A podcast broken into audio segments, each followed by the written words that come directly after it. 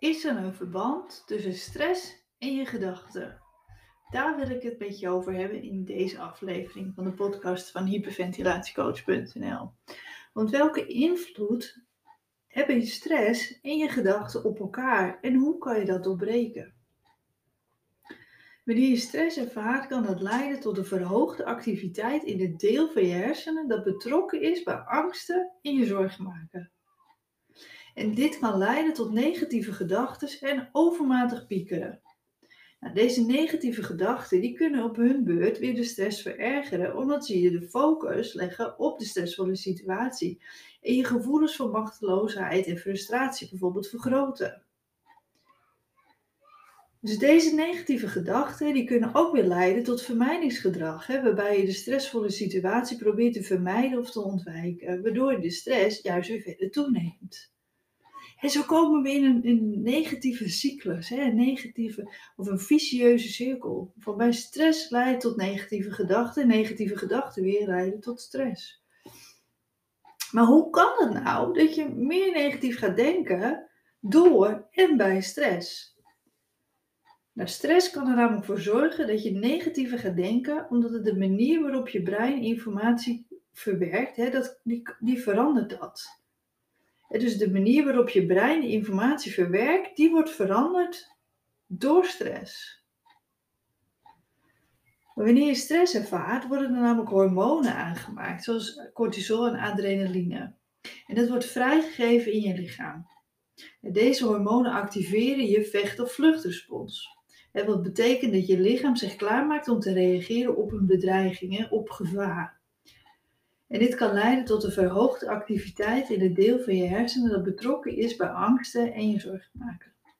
Nou, als gevolg daarvan kan je brein informatie selectiever gaan verwerken, waarbij het meer aandacht besteedt aan negatieve informatie en minder aandacht aan positieve informatie. En dat noemen we dan de negativiteitsbios.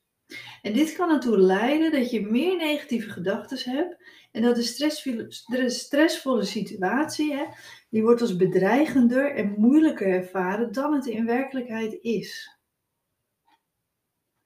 Ja, daarnaast kan stress ook leiden tot vermoeidheid en een verminderd vermogen om helder na te denken.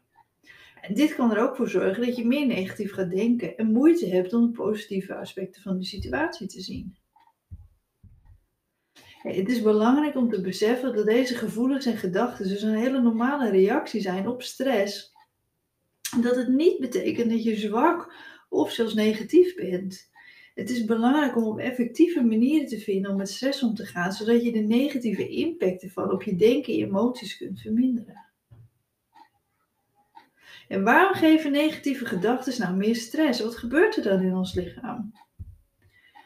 Nou, negatieve gedachten die kunnen meer stress veroorzaken omdat ze onze emoties en fysiologie kunnen beïnvloeden. Onze gedachten hebben namelijk een directe invloed op onze emoties en ons lichaam reageert op deze emoties met verschillende fysiologische reacties. En wanneer we negatieve gedachten hebben, zoals bijvoorbeeld je zorgen maken over de toekomst, piekeren over een probleem of jezelf bekritiseert, dan kan het leiden tot een verhoogde activiteit in het deel van je hersenen dat betrokken dus is bij die angst en je zorgen maken. En dat kan dus leiden tot een verhoogde afgifte van die stresshormonen, wat ik net al zei, dus die cortisol en adrenaline.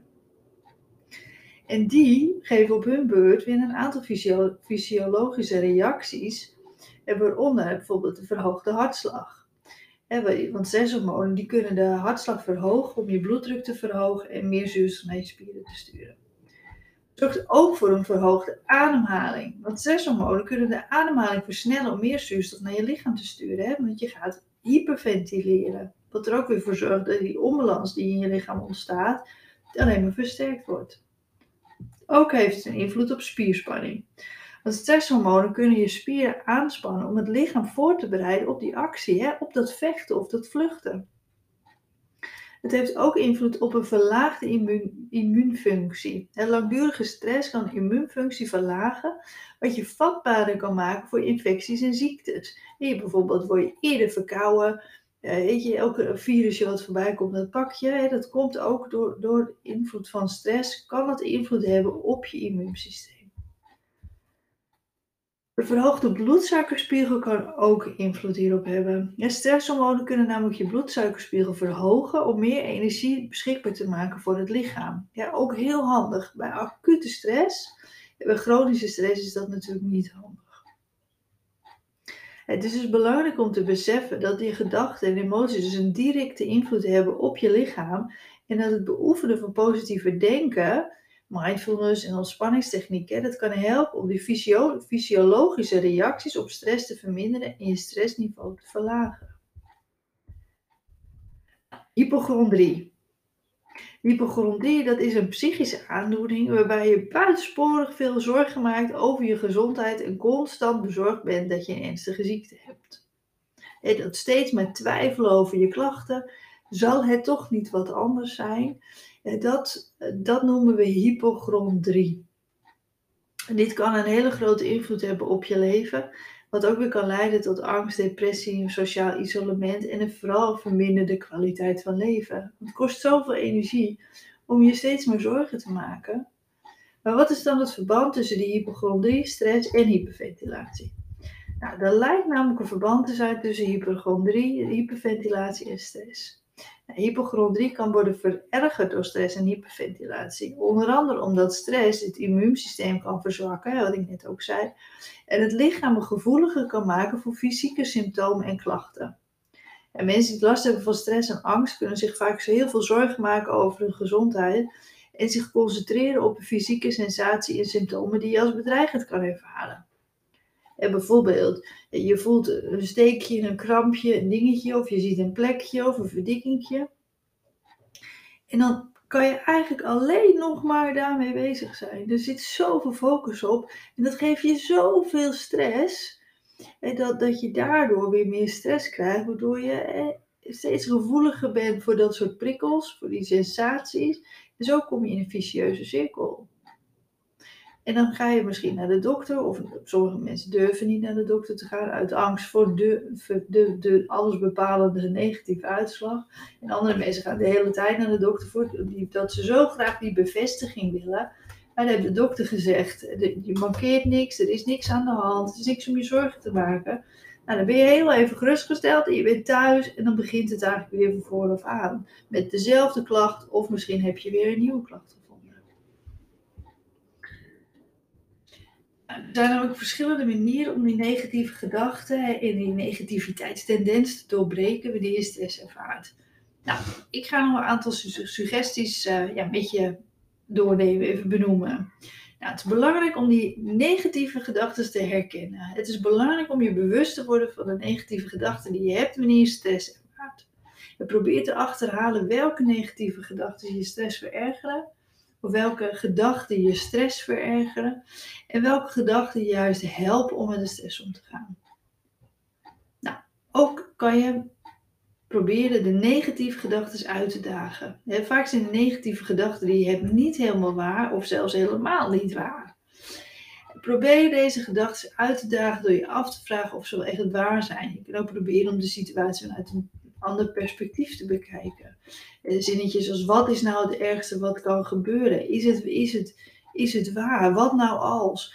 Door er toch een beetje op een andere manier erover na te gaan denken, merk je vaak wel dat je toch een oplossing hebt. Of dat je, ja, dat je denkt, nou ja, hè, de kans dat er iets misgaat is toch wel heel klein. En natuurlijk ook focus op positieve aspecten. Probeer je aandacht te richten op de positieve aspecten van die situatie. Bedenk wat er wel goed, goed kan gaan en wat je wel onder controle hebt. En probeer je ook te richten op de dingen die je kunt doen in plaats van de dingen die je niet kunt doen. En natuurlijk gebruik ontspanningstechnieken. Ontspanningstechnieken zoals ademhalingsoefeningen, meditatie, yoga, de progressieve spierontspanningen, die kunnen allemaal helpen om je stressniveau te verlagen en je gedachten tot rust te brengen. Maar zoek ook sociale steun. Hè. Praat met vrienden, familie of zoek als je die niet hebt of ze niet goed kunnen steunen, zoek dan een professionele hulpverlener over de stress te praten die je ervaart. Want dit kan helpen om de situatie beter te relativeren en je te ondersteunen bij het vinden van oplossingen. En natuurlijk, dat hoor je maar heel vaak zeggen, zorg heel goed voor jezelf. Wees veel, veel, veel liever voor jezelf. Zorg dat je genoeg slaapt, eet gezond, beweeg voldoende en geniet van die ontspannende activiteiten. Doe veel meer dingen die je leuk vindt, die je plezier geven. Dingen waar jij blij van wordt. Want dat kan allemaal helpen om je stressniveau te verlagen en je mentale veerkracht te vergroten. Hè, dat je wat weerbaarder wordt. Het is natuurlijk ook belangrijk om te beseffen dat het doorbreken van die negativiteitstendensen, die, die cirkel waar je in zit, dat het een proces is dat tijd kost en dat het niet altijd even makkelijk gaat. Maar door te oefenen met, met die, bijvoorbeeld die tips die ik je net heb gegeven, kan je stap voor stap je negatieve gedachtenpatroon doorbreken en steeds je, voel je je steeds wat positiever en veerkrachtiger. Nou, nog even samenvattend. Het is belangrijk dat je bewust wordt van de negatieve relatie tussen stress en die negatieve gedachten.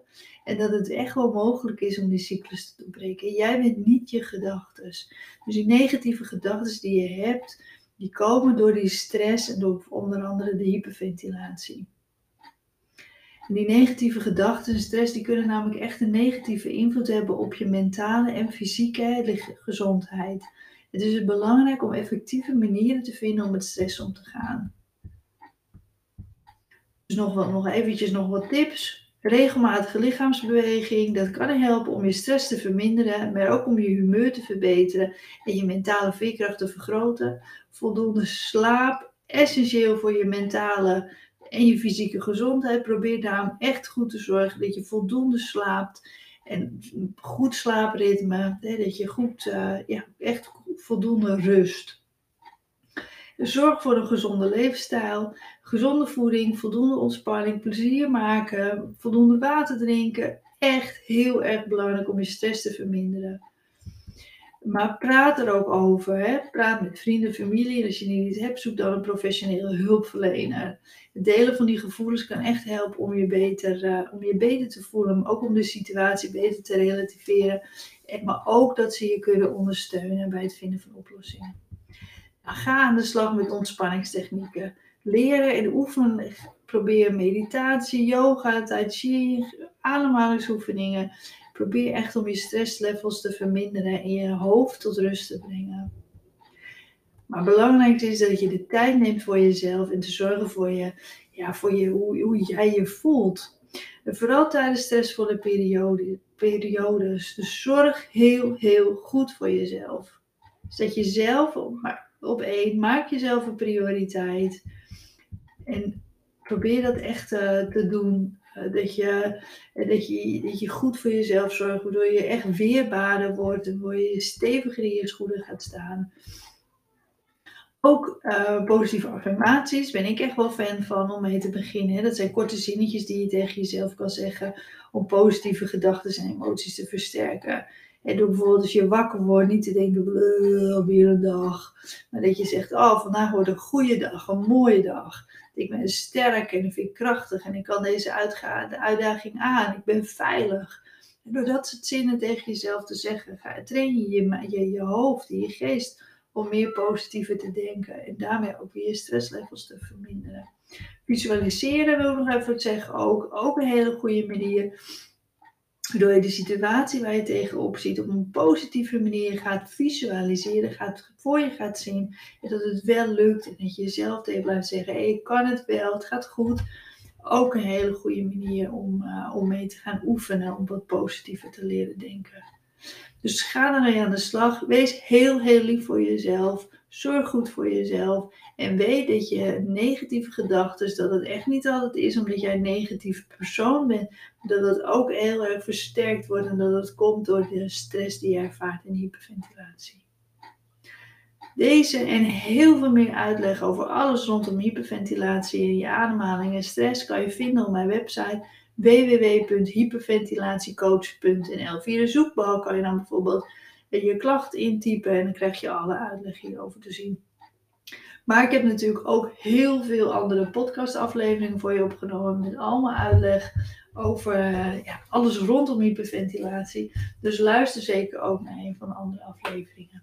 Nou, bedankt voor het luisteren.